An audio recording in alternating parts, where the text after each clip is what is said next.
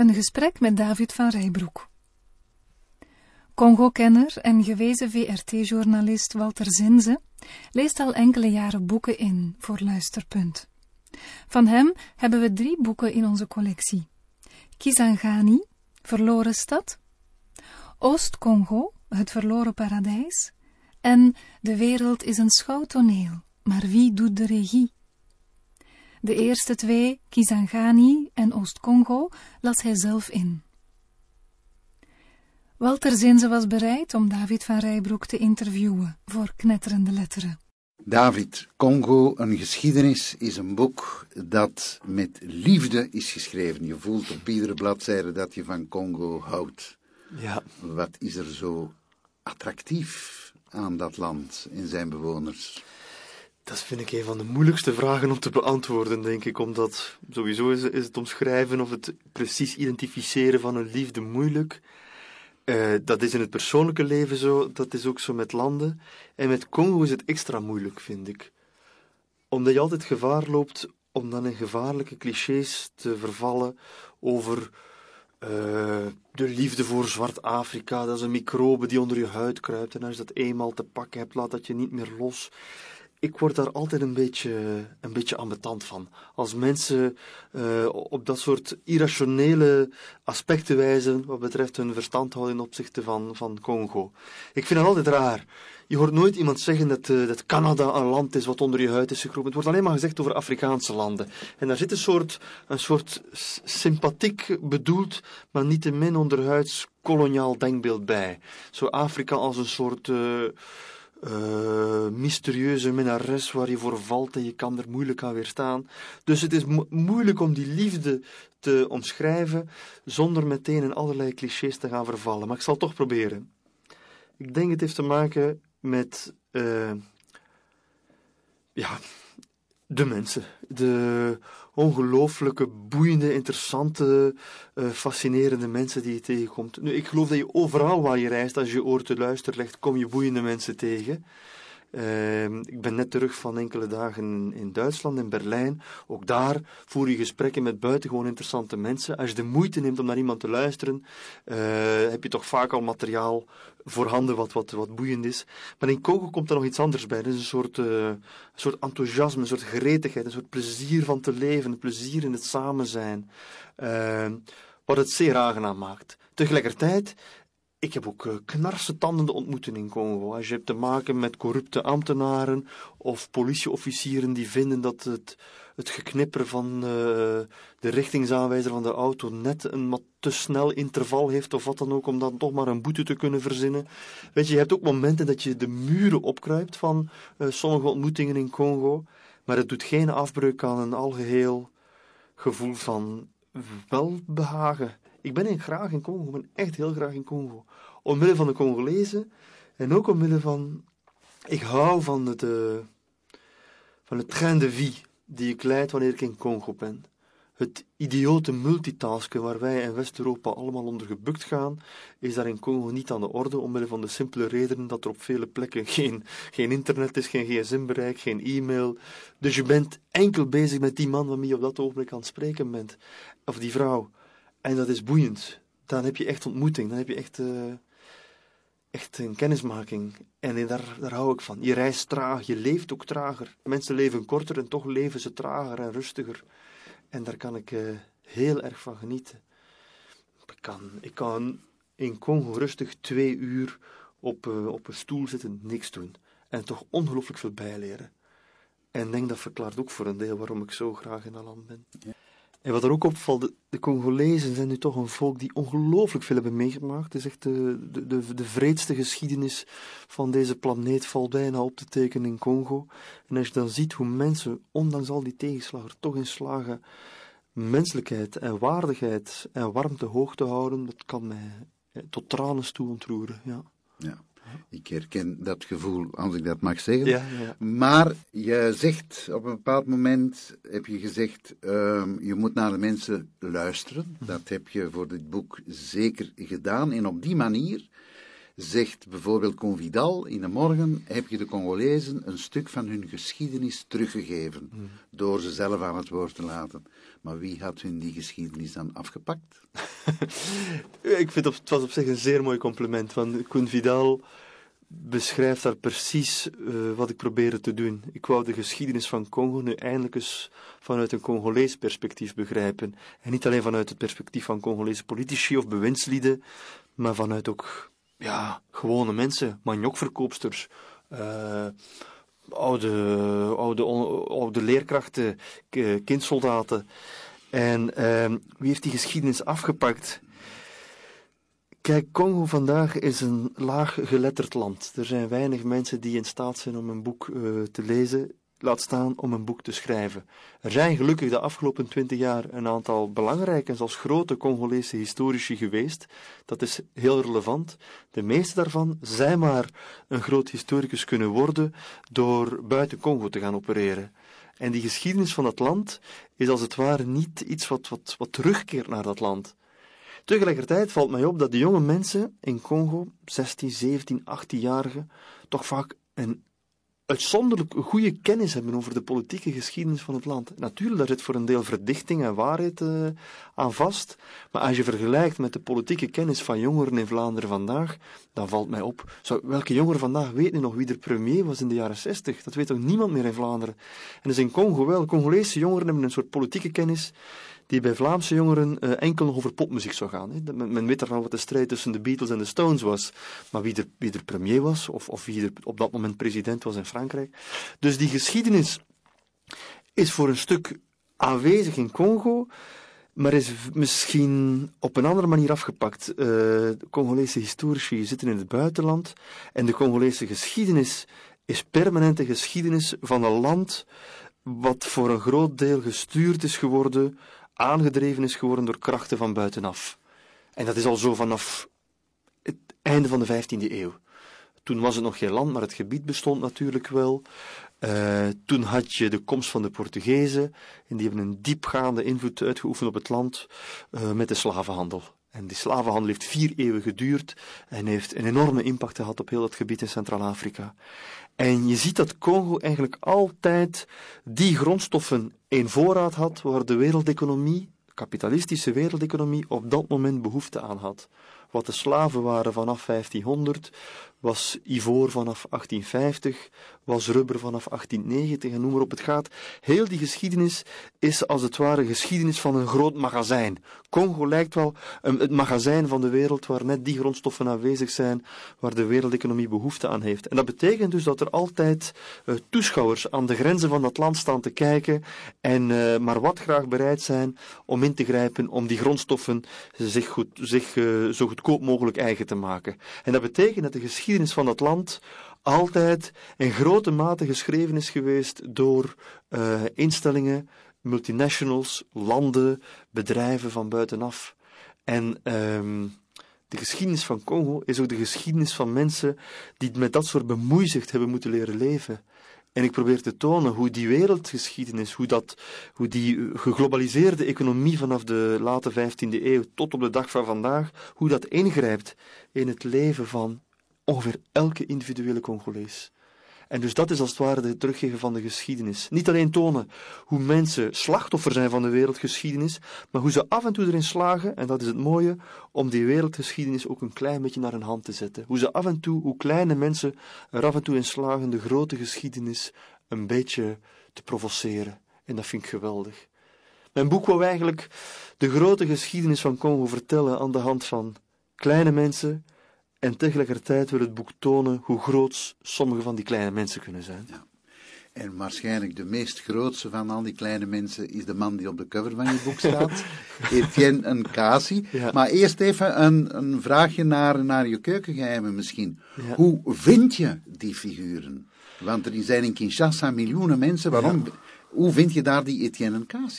Om er maar één te noemen. Ik heb voor mijn boek denk ik een vijfhonderdtal mensen geïnterviewd. Ehm, ik heb daarnaast ook een 5000 bronnen geraadpleegd. hè. Dat is niet alleen gebaseerd op interviews. Maar ik vond het belangrijk om het boek toegankelijk te maken door verhalen van mensen te laten horen. En ehm, aanvankelijk ben ik gewoon mensen gaan zoeken uh, au fur mesure van mijn gereis. En daar zaten dan ook een aantal toevalsontmoetingen bij.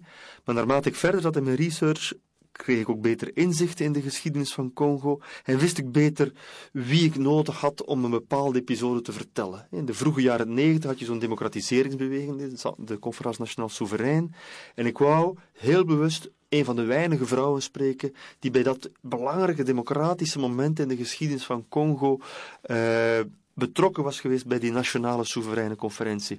Wel nu, dan is het echt een kwestie van rondbellen, van wie kent er iemand. Uh, dus dan, dan ben ik heel gericht gaan zoeken. Maar los daarvan heb ik een aantal fantastische toevalsontmoetingen gehad en de allermooiste was de Chenenkazi. Ik ontmoette eerst zijn broer en ik heb het achteraf gereconstrueerd. Tussen mijn vertrek in België en mijn ontmoeting met die broer zaten er negen tussenschakels die me uiteindelijk daar gebracht hebben. Is op zich ongelooflijk. En die broer was 100 jaar oud, wat op zich ongelooflijk is in een land waar de gemiddelde levensverwachting enkele jaren geleden 42 was. Het is nu 45 of 46. Met het einde, of het relatieve einde van de oorlog, stijgt de levensverwachting. En ik had aanvankelijk gedacht dat het dus moeilijk ging zijn om mensen te vinden ouder dan nou ja, die leeftijd. Ik dacht van ik zal al blij zijn als ik mensen vind die mij kunnen vertellen over de laatste jaren van het koloniaal bewind. En plotseling zit ik bij een man in het binnenland van de Bakongo die 100 jaar oud is. Ja, bon, dat heeft toch uh, heeft e-, enigszins verbazingwekkend. En die vertelt mij, maar waarom bent u zo verbaasd? Ik heb een broer die nog veel ouder is, die is 126. Ik dacht 126, ik moet het nog allemaal zien, maar geef toch maar even zijn, uh, zijn adres. En die man woonde in Kinshasa.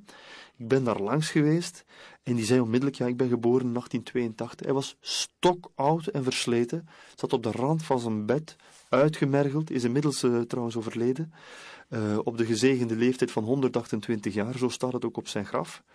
En... Uh, en ik dacht van ja, het kan nog altijd zijn, die man is bij misschien niet aan het bedotten, maar misschien heeft hij gewoon die datum meegekregen, zal het niet waar zijn. En ik ben hem meermaals gaan interviewen. En uiteindelijk bleek je toch opvallend veel herinneringen te hebben aan de jaren 1890, die zeer scherp waren, die geen enkele andere mensen mij hadden verteld. Ik heb wel mensen gevraagd, mensen van 90, van 95, van vertel eens over uw vader, wat weet je nog van uw vader? En dan kon ik wel een beetje afzakken tot in de jaren 1890. Maar iemand die nog precies kon vertellen hoe de spoorwegconstructie in zijn werk was gegaan, want daar was zijn vader bij betrokken geweest.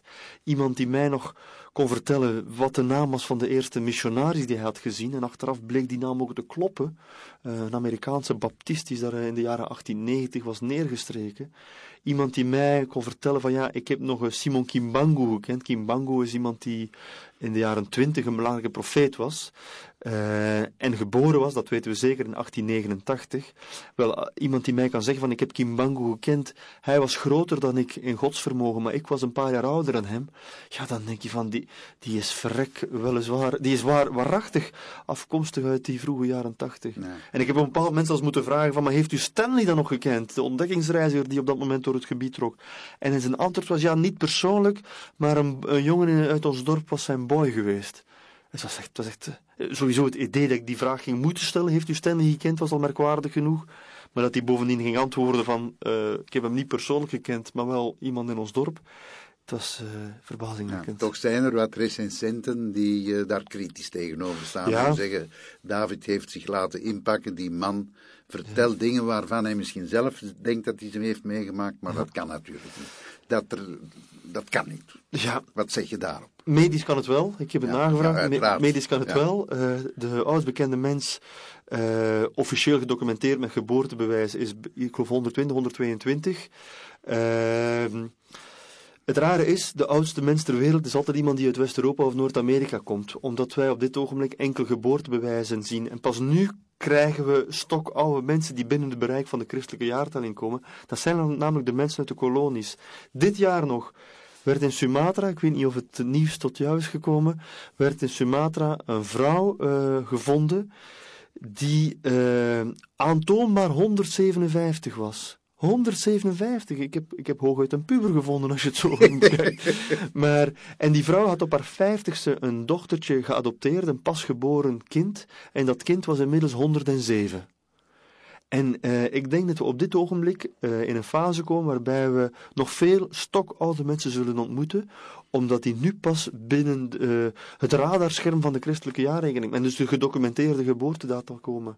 Mijn man van 1882 die zei van ja, mijn, de jongste broer van mijn vader was catechist bij de Baptisten, was een van de eerste zwarte catechisten en hij heeft zich de christelijke jaartelling eigen gemaakt en hij wist dat ik geboren was in 1882. Ja. En ik, soms denk ik ook dat we kritischer zijn ten opzichte van Congolezen. Ja, Congolezen zijn mythomanen, dat kan je niet geloven. en ik denk van... Die vertellen verhaaltjes die je graag ja, hoort. Ja. En ik denk, mochten de West-Europeanen, zouden het wel geloven. Ik denk, uh, ik heb niets gevonden waardoor ik zijn verhaal niet kan geloven. Nu we toch over het over indrukwekkende getuigen hebben, we kunnen ze niet alle 500 opzommen, jammer genoeg. Maar uh, een getuigenis wat mij uh, bijzonder getroffen heeft, is dat van uh, een gewezen kindsoldaat. Ja. Die uh, deelgenomen heeft aan alle misdaden die je kunt voorstellen: ja. moorden, verkrachten, plunderen enzovoorts. En die nu gedemobiliseerd is, gehuurd heeft en een kindje heeft dat hij naar jou heeft genoemd. Ja. Hoe kun je bevriend worden met iemand met zo'n verleden? Ja, het was een heel bijzondere jongeman. Het was uh, iemand, hij was nu begin de twintig toen ik hem ontmoette, Ruffin. En uh, ja, daar zag je in die persoon zag je heel de tragiek van de kindsoldaten. Is echt iemand die als 12, 13-jarig kind aan het voetballen was in Oost-Congo. Uh, ze hadden een klein kampioenschapje met wat uh, schoolklassen. En iemand, uh, een oudere, Deogracias Bugera, waarvan we inmiddels weten dat hij zeer betrokken was bij de rebellie, uh, heeft gezegd: Als jullie de voetbalmatch winnen, dan neem ik jullie mee om ergens nieuwe voetbalschoenen te gaan ophalen. Die zijn allemaal in een auto geklommen, uh, de grens overgestoken naar Rwanda, zijn daar in een trainingskamp beland en ze werden daar uh, opgeleid om de soldaten te worden die Mobutu ten val moest brengen in 97. En ik heb die jongen gesproken, die had inderdaad vreselijke gruweldaden meegemaakt, zien gebeuren. Maar dat was een hele intelligente jonge man. En daar zie je ook de, de leergierigheid, de nieuwsgierigheid van een verloren generatie. Die, hij zei, ik had leren moorden, ik had, uh, ik had de vreselijkste toestanden gezien en ik wist helemaal niet, hij had nooit verkracht, zei hij. zei, ik wist niet eens hoe het moest. Uh, en ik had een vriendinnetje en we hebben samen naar een pornofilm gekeken om te zien hoe het moest. En het resultaat van die pornofilm draagt nu mijn naam. Dus uh, ik vind het op zich een ongelooflijke sympathieke gedachte. En uh, toen ik hem uh, interviewde. Kijk, sommige van die interviews, sommige van die informanten werden meer dan informant. Ik vind het woord informant vaak een beetje kil. Ja, alsof het een soort. Uh, voor inlichtingendiensten. Ja, een soort inlichtingendiensten. We moeten opletten dat we als westerse uh, journalisten niet aan een nieuwe vorm van grondstoffenroof ons bezondigen. En dan niet grondstoffen zoals coltan of rubber of, of koper, maar gewoon getuigenissen. En je hebt een soort. een soort een, kwalijke gewoonte van sommige onderzoekers of, of journalisten die een soort hit-and-run actie doen. Men komt ergens toe, snel wat interviews en weer weg en je laat de mensen achter. Ik nam meestal heel veel tijd voor mijn interviews en met sommige van, niet alle 500 natuurlijk, maar met sommige ervan zijn daar ook echt uh, ja, genegenheden gegroeid, uh, vriendschappen gegroeid. En dan zit je meer dan even een half uurtje met elkaar te praten. Sommige mensen zie ik dagen aan een stuk. Sommige mensen, ik heb nu nog mensen met wie ik ongeveer wekelijks telefoneer in Congo, die ik tijdens mijn onderzoek heb leren kennen. En dus die Ruffin was een, uh, ja, dat was echt iemand die iets van zijn leven wou maken, maar heel veel tegenslag had gehad. En ik heb hem hier en daar ook wat geholpen. En dan is ook de vraag van, kan je dat doen als onderzoeker? Doorbreek je je neutraliteit niet? Aanvankelijk, het is heel raar in Congo. Hè. De, Karel de Keizer, de fotograaf, heeft dit jaar een boek gemaakt over Congo. Hij zei van, ik heb nu al over heel de wereld gefotografeerd en ik heb voor het eerst geld moeten geven, mm. omdat het anders niet ging. Nu, het is wel waar, als je met een fototoestel op straat loopt in Congo. Verschrikkelijk. Verschrikkelijk. Binnen de vijf ja. minuten minder. Binnen ja. de minuut heb je wel iemand ja. die ergens een badge boven haalt. En voor je het weet ben je 100 dollar kwijt. Als, uh, als schrijver had ik daar minder last van. Ik loop niet op straat, ik zit binnen mijn werk te doen. Dat maakt een groot verschil. Uh, en ik heb ook geen opzichtige technologie bij mij. Ik heb een balpen en een blaadje. Dat, dat scheelt. Maar er waren wel een aantal informanten die mij zeiden van ja, uh, u gaat hier een boek over schrijven. Uh, u gaat misschien met dit boek weliswaar succes hebben. Ik kon toen nog niet zeggen dat het boek goed ontvangen is geweest en dat ik de ACO-prijs ging winnen. maar ik kon niet, kon, kon niet logisch straffen dat er misschien inderdaad wel vroeg of laat een verkoop zou zijn. En mensen zeiden van vindt u het normaal dat u gaat verdienen met het boek wat voor een deel uit onze getuigenissen bestaat? Dat is geen idioot argument. Aanvankelijk zei ik van ja, nee, ik betaal niet voor inlichtingen. En bij sommige mensen heb ik toch, uh, aanvankelijk met veel weerzin, maar bij sommige mensen heb ik toch uh, iets gegeven. Ik heb, uh, en, ik, had nog altijd de regel van als mensen er niet over zagen, gaf ik meestal meer. en ik heb ook niet overal iets gegeven, het moest ook een beetje passen. En dat, dat, is een, dat is een moeilijke journalistieke keuze. Betalen voor inlichting, dat is een moeilijke journalistieke keuze. Ik zou het uh, in de meeste landen nooit doen. Maar als je bij zo'n straatarm gezin bent, in zo'n gezin waar ze voor het eerst een Europeaan op bezoek krijgen. En die komt daar eventjes uh, uh, wat verhalen sprokkelen en die loopt zomaar buiten na afloop. Dat is heel, heel raar. Dat is ook heel onbeleefd in een cultuur, hè? Wel ja, ik heb voldoende antropologie gestudeerd om te weten dat grote delen van antropologie bestaan over de antropologie van de gift. Essai sur le don van Marcel Mauss is de sleuteltekst, de basistekst van de moderne antropologie. En Marcel Mauss zegt daarin, culturen worden gestructureerd door de manier waarop ze aan geschenkenuitwisseling doen. Wij hebben dat ook in zekere zin. Als wij met elkaar wekelijks op café zouden gaan en ik betaal telkens jouw glas bier, dan zou ik na verloop van maanden zeggen van die Walter betaalt nooit terug, dat zal nooit een vriend worden. Mhm. Dus ergens hebben wij ook behoefte aan geschenken om te weten dat een vriendschap meer dan alleen maar profitariaat is. Dus het is, wij hebben ook wel principes van geschenkenuitwisseling. En dus uh, in de Congolese cultuur is het uh, geven van geschenken van belang. En het is mij opgevallen, hoeveel je geeft is niet van belang. Maar dat je iets geeft. Ik heb vaak uh, tassen met balpennen mee. Ja, en voor de koningin mag het dan wel een diamantje zijn. Voor de koningin mag het dan een diamantje. Maar ik koop vaak, ik koop vaak gewoon, uh, net voor mijn vertrek, overhemden en stropdassen. Uh, Om ze te kunnen uitdelen. Voor, als ik in Kinshasa ben, uh, de luchthaven van Kinshasa ligt ver van het centrum. En meestal word ik afgehaald door, door dezelfde chauffeur, dat is inmiddels al jarenlang een vriend van mij. Die heeft me de eerste jaar gevraagd van, heb je, oeh, je komt uit Europa, heb je niks meer voor mij? En ik zei, ja zeg, DJ, ik betaal jou toch. Uh, ik betaal jou voor, voor, voor, die, voor deze ritten. Maar daar gaat het niet om. Ik breng hem inmiddels een hemd mee. Uh, ik, breng me een, een stropdas mee. Uh, ik, ik, dus van, ik was ooit eens in China en ik vloog vanuit China terug. Ik had een ongelooflijk kitscherig uh, gouden namaken Nokia horloge mee. Of namaken, hoe heette die hele chique horloges? Rolex. Ja, voilà, dat had ik mee. Maar die was er ongelooflijk gelukkig mee. Die draagt nog altijd, en dus die vriendschap is gematerialiseerd in dat geschenk. Dus ik heb een beetje mijn opvattingen, mijn puriteinse opvattingen over geschenkenuitwisseling moeten bijstellen vanuit antropologische realiteiten. Mm -hmm. En wat dat betreft leer je ook veel bij over het land van vandaag op die manier. Ja. Even terug misschien naar onze kindsoldaat, of naar jouw ja. kindsoldaat dan toch.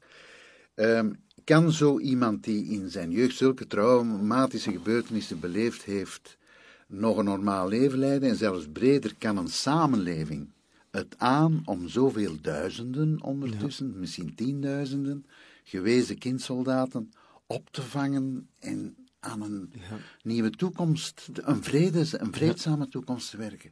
Kan dat menselijkerwijs? Menselijkerwijs kan het. Of het ook politiek kan, is iets anders. Ik heb Ruffin is het beste voorbeeld van iemand die er uh, eigenlijk in slaagt zijn leven weer bijeen te harken. Uh, nogmaals, ik kom net uit Berlijn. Ook daar zie je hoe een land. Ik heb gisteren nog de Hitler-tentoonstelling gezien in het Duitse Historisch Museum. Daar zie je hoe het dus toch mogelijk is om na verloop van generaties uh, op een volwassen manier om te gaan met een gruwelijk verleden. Alleen, Duitsland heeft een Wirtschaftswunder gekend na de Tweede Wereldoorlog. Congo heeft dat in de verste verte nog niet gezien. Ik geloof niet dat de economische activiteiten van China op dit ogenblik kunnen vergeleken worden met het Wirtschaftswunder van Duitsland de jaren 50 en 60 van de 20e eeuw. En ik denk dat het inderdaad kan om een traumatisch verleden te overstijgen, als er dan twee voorwaarden wordt voldaan. Er moet een soort bereidwillig zijn, bereidwilligheid zijn om op termijn het pijnlijke verleden te gaan bestuderen. Dat is hetgeen wat Luc Huysen in veel van zijn publicaties heeft verteld. En daarnaast moeten ook degelijk nieuwe kansen komen. Kindsoldaten raken gedemobiliseerd als ze op een andere manier gemobiliseerd kunnen worden. Als ze economisch gemobiliseerd kunnen worden, als ze sociaal gemobiliseerd kunnen worden. En vooral als ze op vlak van scholing kunnen gemobiliseerd worden. Er is een enorme honger en verlangen naar kennis. Mogen wij alsjeblieft eindelijk gaan studeren. We zijn twintig, we weten hoe we een Kalashnikov blindelings uit elkaar moeten halen en elkaar moeten steken, maar we weten niet hoe de tafels van, van, van zeven werken. Of we weten helemaal niet hoe je Frans moet schrijven. Mhm. Als ik, als, ik, als ik e-mails krijg of op Facebook berichten krijg van een aantal van mijn Congolese vrienden die in de oorlog hebben gezeten, maar dat is om bij te janken. Hun scholingsgraad is zo laag. En dat is, dat is het, het ultra pijnlijke. En wat dat betreft is het perspectief er niet. Wel, als je kijkt naar Oost-Congo, gedemobiliseerde kindsoldaten zijn zeer snel te remobiliseren. De oorlog is lonend. Wij denken altijd over, het, over oorlog als een geldverslindende machine die heel veel, uh, die, die, die duur is en alles kapot maakt. Terwijl, ja, dat is onze kennis vanuit de Tweede Wereldoorlog. In Congo is oorlog goedkoop en het brengt op. Het brengt op niet alleen voor de warlords, die verdienen, aan de krijgsheren, die verdienen aan de verkoop van grondstoffen, maar ook voor kleine kindsoldaten levert het op. Kindsoldaten die geen toekomst hebben, krijgen een toekomst dankzij de oorlog. Er zijn heel veel kindsoldaten die niet zoals Ruffin ontvoerd zijn, maar die vrijwillig kiezen voor deelname aan de oorlog, omdat het een, eigenlijk een rationele optie is. Het brengt op. Zeker als je nog eens hebt gezien dat je de helft van je familie is uitgemoord en je zusje is verkracht geworden en je familieleden zeggen van je gaat intreden, proficiat. We zijn trots op je.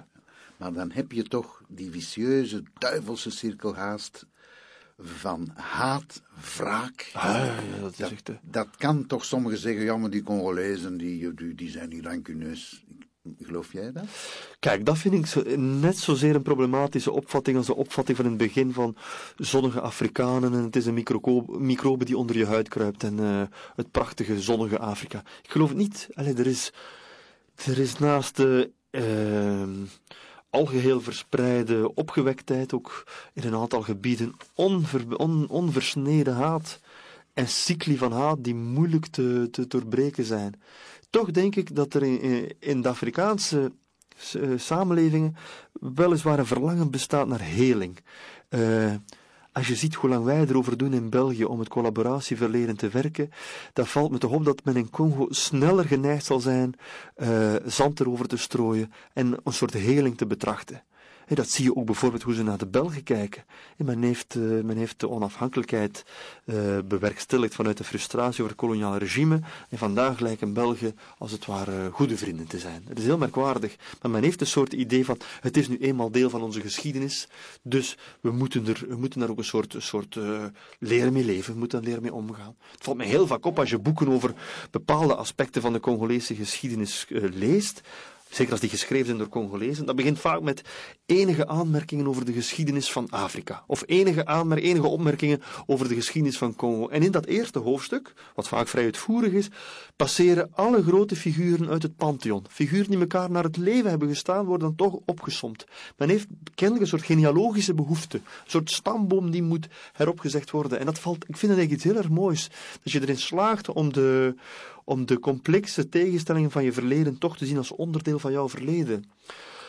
Wat niet wegneemt dat dat nog niet meteen aan de orde is in de gebieden zoals Ituri, Noord-Kivu, uh, inmiddels ook uh, Obele, waar de Lord Resistance Army zo vreselijk tekeer gaat. De Oegandese van Kony. De Oegandese van Kony. Ja, daar zit natuurlijk, uh, kijk, daar ben je nog niet toe aan het zich verzoenen met het verleden, omdat het heden daar nog volstrekt onverzoenlijk is. Maar het is aardig dat je over de, dat verleden begint. Want laten we even terugkeren naar de uh, chronologie van de geschiedenis. Leopold II. Ja. Daar wordt in Congo heel anders over gedacht, is mijn indruk vaak, dan in België. Wij vinden het een schoft, maar zij vinden het wel de stichter van hun land. Ja, ja, dat is Heeft dat daar iets mee te maken? Ja, ik denk het ook wel. Ik denk het voor, nou, voor de meeste Congolezen weten niet wie Leopold II is. Er is een historisch besef, maar dat gaat niet terug tot anno 1900. Dat merk je wel, dat is, daar wordt weinig over gesproken. Anderzijds, wat wel heel erg opvalt, is dat in Congo is er een zeer sterk nationaal besef en een nationale trots. Men schaamt zich over het land wat kapot is, maar men is toch trots om tot dat Congo te behoren. En dan de figuren die dat land hebben gesticht, Stanley en uh, Leopold II, die worden wel gezien als de mensen die dat land letterlijk op de kaart hebben gezet. En uh, dus in die zin is er een soort beeldvorming die wel verschilt van wat hier de dominante beeldvorming is. Ja. Het hoofdstuk over Leopold II in je boek heet Bliksemse vuiligheid. Ja. Ik vind een uh, schitterende titel, maar hoe, hoe ben je erop gekomen? Het was ergens een citaat uh, van een missionaris. Het komt voor in het hoofdstuk het was een missionaris die vertelde, het was een Brugse missionaris van Assen, en hij vertelde hoe hij al die fetischen toch maar vreselijk vond, en hij probeerde overdag vriendelijk te zijn voor de mensen die hij moest bekeren, maar s'nachts in de duik, zoals hij het in zijn Brugs Nederlands opschreef, uh, ging hij toch wel makkelijk zo'n altaartje met uh, fetische maskers neerslaan, en al een bliksemse vuiligheid. En ik dacht, ja, het woord bliksemse vuiligheid is niet alleen iets over de missionarissen, maar het is ook een term die je kan gebruiken voor heel die periode van Leopold II, 1885, 1908. Op dat moment was Congo zo goed als privé-eigendom van Leopold II. En het is bepaald niet de fraaiste periode geweest als je kijkt naar de vreselijke gevolgen van de daar gevoerde rubberpolitiek. Dus vandaar die titel Bliksemse vuiligheid. Ja.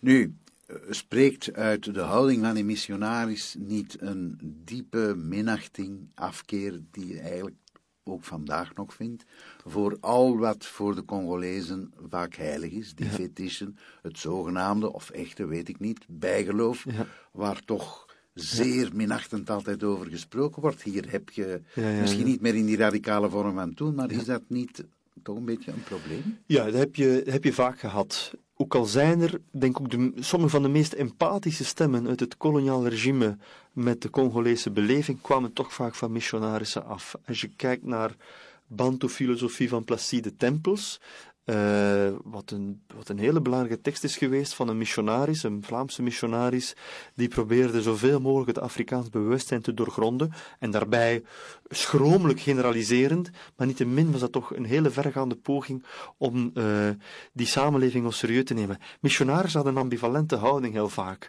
Enerzijds wouden ze aspecten van de traditionele cultuur met, uh, met, uh, met wortel en al uitroeien. En tegelijkertijd bestuderen ze de taal, bestuderen ze de etnografie, bestuderen ze de rituelen. Dus men bestudeerde die rituelen die ze tegelijkertijd kapot aan het maken waren. En tegelijkertijd, dat, die minachting loopt een beetje door tot op de dag van vandaag, maar ook in niet-klerikale cirkels. Als je bijvoorbeeld ziet hoe er bij ons vandaag in Europa wordt nagedacht over die nieuwe vorm van religiositeit, die zogenaamde Pinksterkerken, die nu vanuit Amerika komen overgewaaid en de snelst groeiende religieuze beweging zijn in Congo.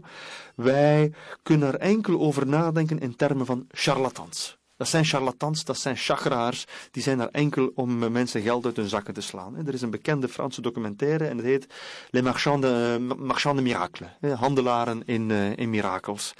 Voor een deel is dat zo. En daar zitten veel schurken bij. En daar, zitten veel, daar zit veel geldbejag bij op de rug van arme Congolezen. Tegelijkertijd probeer ik ook in mijn boek een van die kerken op te voeren waar het niet gaat om geldbejag. En waar je ziet hoe daar ook idealisme gepaard gaat, mee gepaard gaat. Hoe daar mensen proberen uh, zogenaamde profeten of eh, eigen zelfbenoemde religieuze overten, hoe mensen proberen toch op een zinvolle manier in een aards moeilijk land aanwezig te zijn en op een zinvolle manier vertroosting en advies te bieden. Dus ook daar moeten we opletten dat we opnieuw het kind met het badwater niet weggooien en dat je ook de zinvolheid ziet. Kijk, als je een beweging ziet die door zoveel mensen wordt ervaren in Congo als een zinvolle, uh, betekenisvolle invulling van een zeer complexe leven, dan vind ik het al te gemakkelijk om vanuit ons perspectief te zeggen: allemaal gesjoemel, allemaal ja. chagraars. Ja. Absoluut. Maar misschien brengt het ons tot een nog fundamentelere vraag. De missionarissen die in de tijd van Leopold II de bliksemse vuiligheid opzochten om ze te vernielen, behoorden tot de katholieke kerk, die onder Leopold, maar ook in het koloniale regime, een steunpilaar van dat regime is geweest. Ja, ja. Het, een van de drie leden van de drievuldigheid, kerk, staat en, en economie, kapitaal, ja. Société Générale, maar de kerk dus ook. Ja, ja, ja. Um, hoe groot is hun verantwoordelijkheid dan, denk jij? De kerk was absoluut uh, de instelling die zeker in zo de mijngebieden de, de Congolezen hebben gekweekt tot ideale, gehoorzame arbeiders. Dat was overduidelijk zo. Uh, mensen moesten in de mijnen gaan werken en moesten niet al te veel... Uh, kritische vragen stellen. De kerk heeft, heeft een soort dociliseringsprogramma gevoerd, om het zo technisch uit te drukken. Tegelijkertijd is het ook de kerk geweest die in de jaren 50 uh, aan de wiegert gestaan van het onafhankelijkheidsverlangen. Dat moeten we ook eh, onder ogen zien. Een merkwaardige paradox. Het is een merkwaardige paradox, maar in, ik denk dat de kerk van de jaren 50 ook sterk verschilde van de, in de kerk van de jaren 20 en de jaren 30. De kerk is ook niet één statisch geheel, dat is ook sterk geëvolueerd. De bliksemse vuiligheid van 1890 uh, eh, vond je niet meer terug in de colleges van uh, Leopoldville, Kinshasa in de jaren 1950. De kerk heeft ook een zeer constructieve rol gespeeld in het protest tegen Mobutu. Uh, de katholieke kerk heeft uh, in de jaren 1980, 1990 een bijzonder belangrijke rol gespeeld. En, uh, maar het is wel waar dat de kerk in, vele de, in een aantal decennia van dat koloniale regime de geesten heeft gekneed in de door de kolonisator gewenste richting. Dat is zonder meer het geval. Net zoals veel van die bevrijdingskerken vandaag ook zeer uh, geneigd zijn het regime te ondersteunen. Een aantal van die grote Pinkstergemeenschappen zijn uh, zeer loyaal aan president Kabila. De moeder van president Kabila is nauw betrokken bij een van die kerken. Dus je ziet daar ook een soort samengaan tussen kerk en staat, ja. wat in de koloniale periode niet anders was. Terwijl de katholieke kerk zelf deze dagen nog luidkeels protesteert tegen de gangbare praktijken van het huidige regime. Ja, inderdaad. Je zou kunnen zeggen dat de, de, katholieke kerk vandaag een van de meest subversieve stemmen is in Congo. Die durven nog teksten te publiceren die uh, elders nog maar moeilijk zouden kunnen gepubliceerd worden. De kerk heeft als het ware nog steeds een soort spreekrecht. En dat is ongelooflijk. In Congo is sinds de verkiezingen van 2006, de eerste democratische uh, sinds 64, de eerste grote verkiezingen, is de democratische ruimte kleiner en kleiner geworden. Ik hoor het van mijn vrienden, kunstenaars, journalisten, die zeggen van we mogen veel minder zeggen. Het wordt hoe langer hoe moeilijker om ons werk te doen. Maar de kerk heeft als het ware nog altijd de guts, of misschien ook de ruimte, om hardop te spreken. De vraag is, hun stem weegt nog altijd door. De katholieke kerk is nog steeds de dominante religie in Congo. Uh, maar je merkt wel in de steden dat de de charismatische kerken, de Pinksterkerken, uh, een groter wervend vermogen hebben. De katholieke kerken lopen leeg en de Pinkstergemeenten lopen vol. vol Maar ik heb inmiddels al vernomen, uh, dat is nu ongeveer een tiental jaar aan de gang, dat een heel pak gelovigen van die nieuwe kerken inmiddels ook onthoogeld zijn en terugkeren naar de katholieke kerk, omdat de beloofde mirakels toch uitblijven. De, de beloftes van uh, geef ons 100 dollar en wij zorgen ervoor dat u aan een man, een kind of een visum voor Europa geraakt. Vele van de mensen zitten nog steeds zonder man, kind en visum. En men heeft zich als het ware, uh, uh, men is begonnen vragen te stellen bij de, de werkbaarheid van die nieuwe kerken. Ja. Misschien toch nog één vraagje over die oude kerk, de katholieke dan. Um, in progressieve tussen aanhalingstekens kringen bij ons hoor je dan vaak, ja, die katholieke kerk, dat is toch wel de kerk die tegen abortus is, en tegen het condoomgebruik enzovoort, en mede verantwoordelijk voor de verspreiding van de aidsziekte. Al die kwalen ja. die men aan het Vaticaan toeschrijft, die vind je ook in de Afrikaanse kerken, en zeker niet van Congo. Zeer conservatieve ethische standpunten. Laat ons zeggen dat het goede discipelen zijn van Johannes Paulus II en, uh, en Ratzinger, in zekere zin. De Wojtyla als paus was natuurlijk toch de paus die op een merkwaardige manier uh, hyperconservatieve morele standpunten innam, maar tegelijkertijd was het de eerste echt geglobaliseerde kerkvorst. Ja. En uh, de reizen die hij heeft ondernomen en de manier waarop hij het katholicisme echt als een wereldkerk is gaan beschouwen, dat beseffen wij onvoldoende, eerlijk gezegd, in, in West-Europa. De rol die hij heeft gespeeld bij uh, de val van het communisme in Oost-Europa is van zeer groot belang geweest. Maar uh, hier in West-Europa wordt hij voornamelijk afgerekend op zijn morele standpunten. Ik deel die kritiek, uiteraard. maar je kan moeilijk afbreuk doen aan de enorme populariteit die die kerkvorst heeft genoten en die zijn opvolger ook hmm. geniet in grote delen van Afrika. De huidige aartsbisschop, de nieuwe kardinaal van uh, Kinshasa, Monsengwo, die ja. toch een heel groot ook politiek verleden heeft ja. in het land, die, die verdedigt die standpunten ook. Ik denk niet dat je anders kardinaal kan worden. Precies. Walter Zinsen opent het tweede en laatste deel van zijn gesprek met David van Rijbroek met de vraag naar de rol van de Congolese soldaten in de twee wereldoorlogen. Ik vond het belangrijk omdat het publieke besef over Congo en België tot voor kort eigenlijk zich beperkt tot twee momenten: de rubberpolitiek van Leopold II en de moord op Lumumba. Dat kent iedereen, voornamelijk door twee boeken die zijn verschenen in de jaren 90. Het boek van Adam Hochschild over de rubberpolitiek van Leopold en dan het boek van Ludo de Wit over de moord op Lumumba. Het is zeer goed dat die boeken er liggen, die hebben als het ware een, uh, de geesten wakker geschud, maar de daartussen liggende periode is bij het brede publiek, of vast bij het brede publiek, veel minder bekend. En ik vond het zelf ook fascinerend om in mijn onderzoek uh, stil te staan bij die twee wereldoorlogen. Nauwelijks gekend. Er zijn in de Eerste Wereldoorlog 25.000 Congolezen omgekomen. 25.000. Dat is toch enorm veel? En meer dan een kwart miljoen mensen zijn eigenlijk betrokken geweest bij die oorlog. Niet zodanig als uh, militair, de meeste daarvan als dragers. Op dat moment lagen er in Congo nog geen wegen. En de strijd werd gevoerd vanuit Congo tegen uh, Duitse Oost-Afrika. Ja, het huidige in, in, de Eerste Wereldoorlog. De Eerste Wereldoorlog, dat is het huidige Tanzania. Ja. En dus er lagen geen wegen, maar er moesten wel uh, wapens en munitie en provianten versleept worden. Dus voor elke soldaat waren er ongeveer zeven dragers. En dus tot een kwart miljoen mensen zijn daarbij betrokken geweest. Dat is ongelooflijk. Cruciale veldslagen in de Eerste en de Tweede Wereldoorlog, cruciale uh, veldslagen, zijn gevoerd geweest met het Belgisch koloniaal leger. Een leger waarvan de officieren blank waren en het voetvolk, de soldaten, zwart.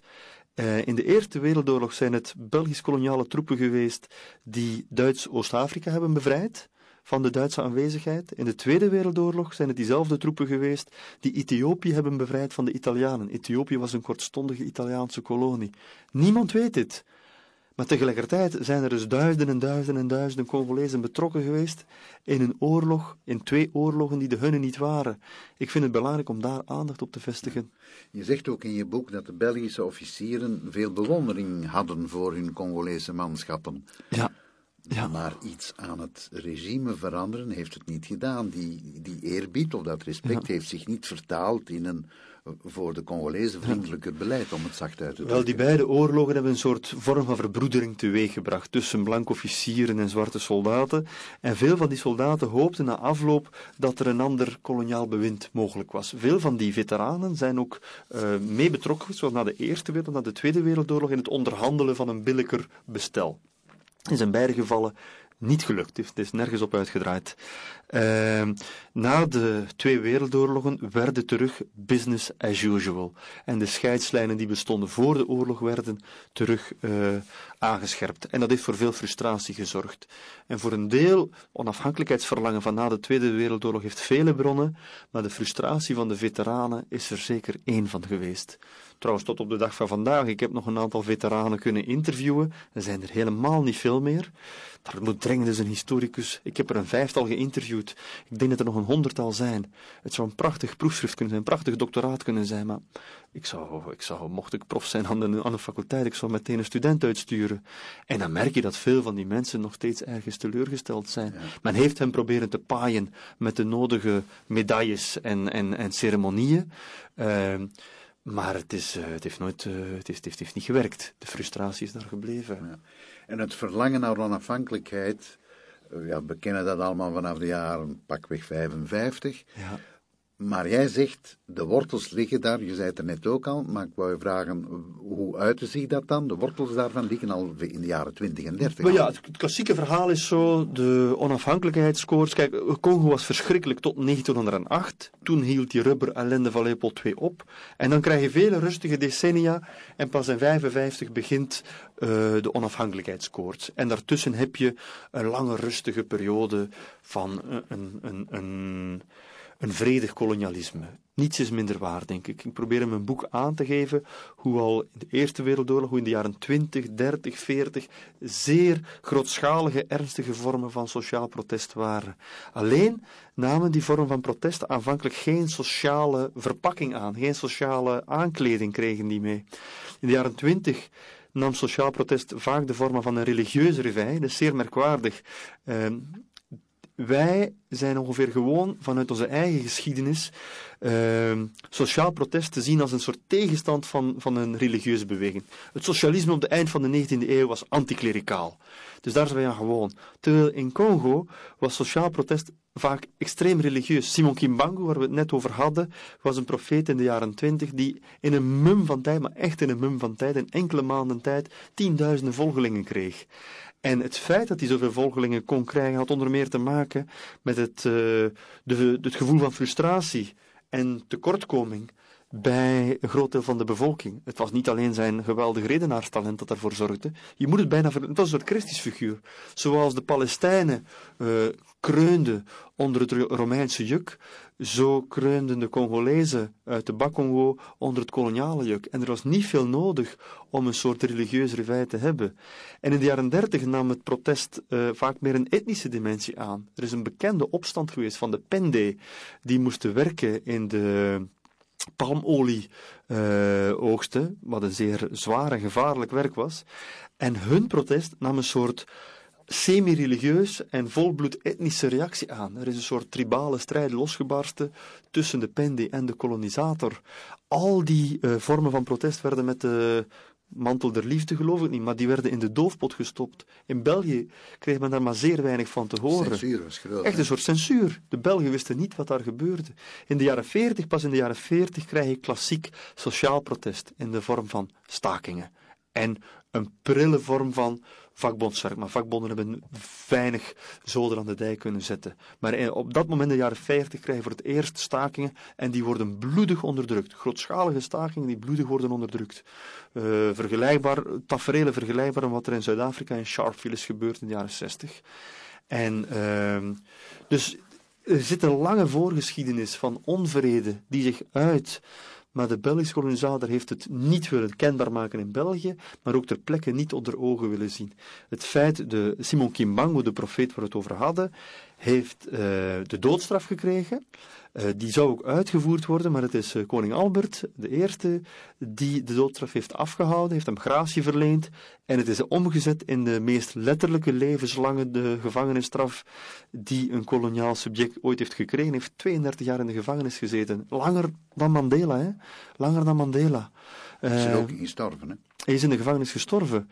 Ehm, en men heeft daar als het ware oppervlaktesymptomen willen bestrijden zonder de diepere gronden te begrijpen. De kolonisator was buitengewoon uh, blind en kortzichtig uh, op dat ogenblik. Ja. Kunnen we misschien overschaan naar een volgende paradox, maar nog altijd in het kader van die, dat streven naar onafhankelijkheid, diegenen die succes hebben gehad uiteindelijk, Lumumba, ja. Kasavubu, ja. dat waren eigenlijk producten van de koloniale assimilatiepolitiek. Ja. Uh, zij waren, Lumumba was heel erg trots op het feit dat hij zijn kaart had die hem als een evolué erkende, wat betekent dat hij eigenlijk een blanke was met een zwarte huid. Ja, ja, Uitgerekend in dat gezelschap ontstaat dan die kreet naar onafhankelijkheid toch? Ja, bovendien Lumumba en Kasavubu behoren tot de, de elite van de elite. Je had de evolués, dat waren een paar duizenden mensen, misschien 10, 15.000 mensen. En daarbovenop had je de immatriculees. De immatriculees waren zij die werkelijk voor het gerecht gelijk, geschakeld werden met de blanken. Dat waren er, ik denk maar een paar honderd op een bepaald ogenblik. Echt maar, zeer... Lumumba was erbij. Lumumba was erbij. Hij was een soort autodidact, self-made man.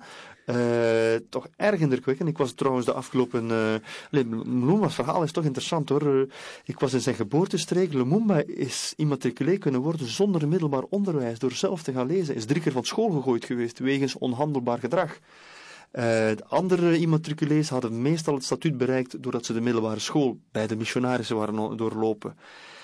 Kijk, de kolonisator had nooit gedacht dat de meest loyale groep van koloniale onderdanen diegenen zouden worden die hen een stok in de wielen zouden steken. Het is ook, als ik even onderbreken mag, eigenlijk ongelooflijk als je hun teksten leest van die tijd, van voor 55 dan wel. Hoe ze de Belgen bedanken voor het feit dat ze hen de beschaving hebben gebracht.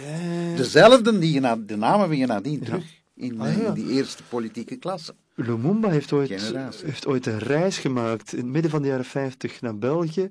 Uh, en daar heeft hij zonder enig cynisme de loftrompet over Leopold II en het Belgisch kolonialisme afge, afgestoken. En uh, dat was, dat was uh, echt ernstig, zonder enige ironie. Het is pas na verloop van tijd uh, nee, het was vroeger, het vroeger in de jaren 50. Het is pas na verloop van tijd dat zijn kritisch bewustzijn uh, is gegroeid. En dat lijkt merkwaardig en tegelijkertijd is het ook niet. Want net zij waren degene die het meest van al tegen het glazen plafond opbotsten. Zij deden zoveel inspanningen om au serieus genomen te worden. En ze zagen dat dat misschien op papier wel uh, gebeurde, maar in de praktijk helemaal niet. Als zij met een prachtige pakken aan, met een smokings aan en machetknopen een restaurant betraden, werden ze nog buiten gekeken. En ik denk dat dat uh, de grote frustratie moet gegeven hebben. Het waren als het ware mensen die zo zeer op de toppen van hun tenen gingen staan, dat ze zeer gevoelig waren voor uh, wat hen uh, niet of, of voor dat niveau wat ze hadden moeten bereiken en niet konden bereiken. En dat is heel, heel, heel erg opvallend geweest. Een soort frustratie van wij doen zo ons best en we tellen nog steeds niet mee. En op dat moment ontstaat er ook elders in Afrika een idee van uh, we moeten niet proberen ons te assimileren met de Europese overheerser, we moeten onze eigen trots ontwikkelen. En dat is als het ware de beweging geweest die ervoor heeft gezorgd dat er een kleine elite is begonnen met na te denken over een onafhankelijk Congo. Pas na verloop van tijd zijn daar, uh, is daar ook de massa bij komen aansluiten. Want die aanvankelijke evoluees, die waren op sommige momenten ook ronduit snobistisch. Die keerden zich af van de massa. Die voelden, die vonden zich beter. Die voelden zich beter. Die vonden die massa echt te min. Die vonden ze barbaars en primitief. Het typische syndroom. Je ziet het hier ook. In West-Vlaanderen, de eerste, of ik kom uit West-Vlaanderen, de eerste generatie die in Leuven is kunnen, boerenzoon die in Leuven is kunnen gaan studeren, die zich vervolgens afkeert voor de, de provincie en de boerkes enzovoort. Dat is een heel klassiek fenomeen een, uh, een jonge bovenlaag die zich schaamt voor, de, voor de, hun afkomst. Dat zag je ook bij die evoluees, maar het is pas na verloop van tijd, en dankzij Lumumba, hij was de eerste die heeft gezien dat de strijd van de elite kon gecombineerd worden met de strijd van de massa. En die hebben, zich, die hebben elkaar op een bepaald moment gevonden. Maar het was vrij laat, het was pas in 1959 dat die aha-erlevenis heeft plaatsgevonden. Toch ben je allesbehalve mals voor Lumumba. Uh, over zijn fameuze speech op 30 juni 1960, waarin hij het kolonialisme hekelt, zeg je bijvoorbeeld geen visie, zeker niet als je het vergelijkt met grote toespraken van andere, onder meer ook Afrikaanse leiders. Ja, ja, ja. Geen visie, dat is wel erg voor een uh, jonge politicus. Ja, ik vind dat je die toespraak leest, dat is een, dat is een prachtige tekst en die een genadeloze analyse maakt van het koloniale bewind. Het is wellicht de scherpste uh, analyse, dissectie van het koloniale bewind. Maar op dat moment, op de dag dat de onafhankelijkheid werd uitgereikt, vond ik uh, dat, jij, dat hij niet alleen een analyse moest maken van het koloniaal bewind, maar ook een visie presenteren voor het Congo wat hij voor zich zag. De laatste alinea's van die tekst gaan er wel over. Maar ik vind dat geen indrukwekkende toekomstbeeld wat hij daar schetst. Ik vind het heel erg, uh, heel erg naïef.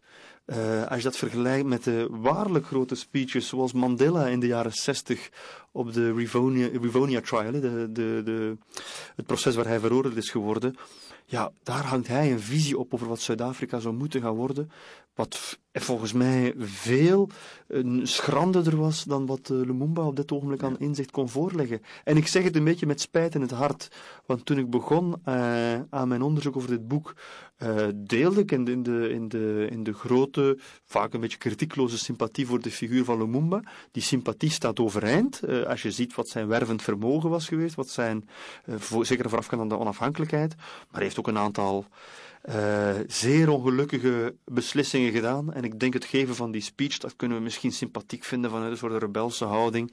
Maar het heeft eigenlijk heel weinig betekend, vind ik. Vanuit een pragmatische optiek bekeken, ik behoor misschien tot een pragmatische generatie, zijn die speeches uh, weinig, weinig zinvol gebleken in de loop van de geschiedenis van, uh, van, van de verdere jaren van Congo. En ook zijn handelingen toen hij eenmaal eerste minister was, twee maanden weliswaar. Zeg je, hij doet, begaat de ene blunder op de andere. De vraag is, maar kon hij eigenlijk wel anders? Zo'n onervaren jongeman die alles kwijtraakt wat hij nodig heeft om een land te kunnen besturen. Ja, dat is waar. Ik bedoel, hij had werkelijk uh, ongeveer iedereen tegen zich. heeft ook zijn best gedaan om ongeveer iedereen tegen zich in het harnas te jagen. Dat is ook waar, zeker. Uh, maar ik vind, je moet serieus zijn. Als je onafhankelijkheid vraagt en met de vuist op tafel slaat dat die onafhankelijkheid niet over vijf jaar, niet over twintig jaar, maar overmorgen moet komen, dan moet je ook klaarstaan met een politiek en met een visie. Ik vind, je moet hen ook op hun eigen, uh, op hun eigen premisses afrekenen. En dat is, dat is uh, te weinig gebeurd, vind ik. In die zin een beetje streng. Ik vind dat daar een soort populistisch kantje aan zit. Ik, behoor, ik behoor tot een andere generatie dan een vorige generatie Congo-schrijvers. Ik heb gezien wat populistische politici doen. Ik vind dat er, uh, ja, als je, Lumumba doet soms aan de termen denken. Hè. De termen beloofde ook uh, vijf minuten politieke moed waren voldoende om BHV te splitsen. Het is niet gebeurd na de verkiezingen.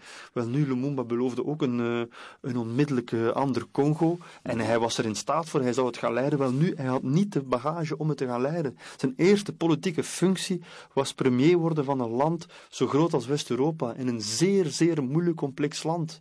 En vervolgens...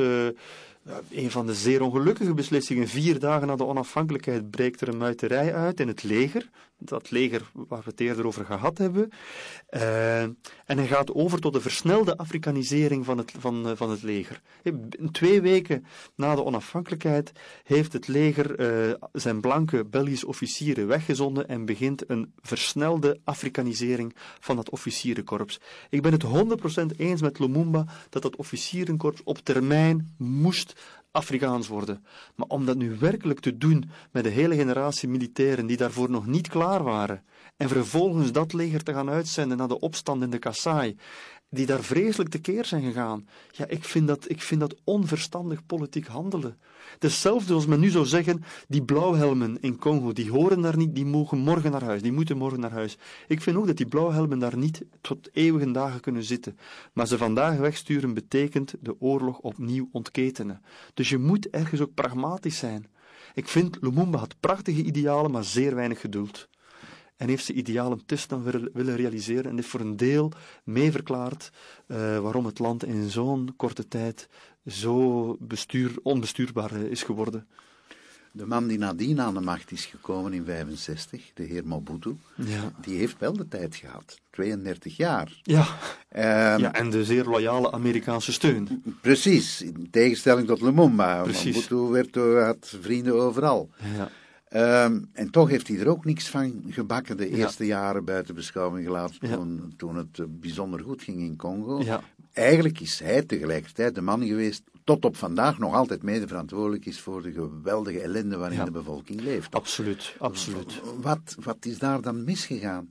Hij was toch verstandig, hij had veel steun, populair in het begin ook. Je ziet hoe in de hele geschiedenis van het onafhankelijke Congo de grote winnaar van de Tweede Wereldoorlog daar de hand in heeft gehad. Uh, Lumumba was niet geliefd bij de Amerikanen. Uh, zeker niet toen hij op een bepaald moment de, hulp van de Russen ging inroepen. Toen was het wel uh, afgelopen. Uh, Mobutu is vervolgens aan de macht gekomen dankzij de steun van de CIA. En Mobutu is zeer lang aan de macht kunnen blijven omdat hij eigenlijk in een zetel zat. Hij had de grondstoffen waar Amerika behoefte aan had. Het is een beetje vergelijkbaar met de toestand in Saoedi-Arabië vandaag. De Saoedi's kunnen zich eender wat permitteren. Zolang zij oliebronnen hebben, zal Amerika heel vriendelijk blijven. En uh, Mobutu had koperertsen in grote hoeveelheid, maar had vooral ook uranium. We zitten in volle koude oorlog. Controle over uraniummijnen is van groot belang. Amerika had de Tweede Wereldoorlog gewonnen dankzij het Congolese uranium. De bommen op Hiroshima en Nagasaki waren gevuld met uranium uit Congo. En alle buurlanden, of vele van de buurlanden rond Congo op dat ogenblik, hadden banden met het socialisme met het, uh, en met het communisme.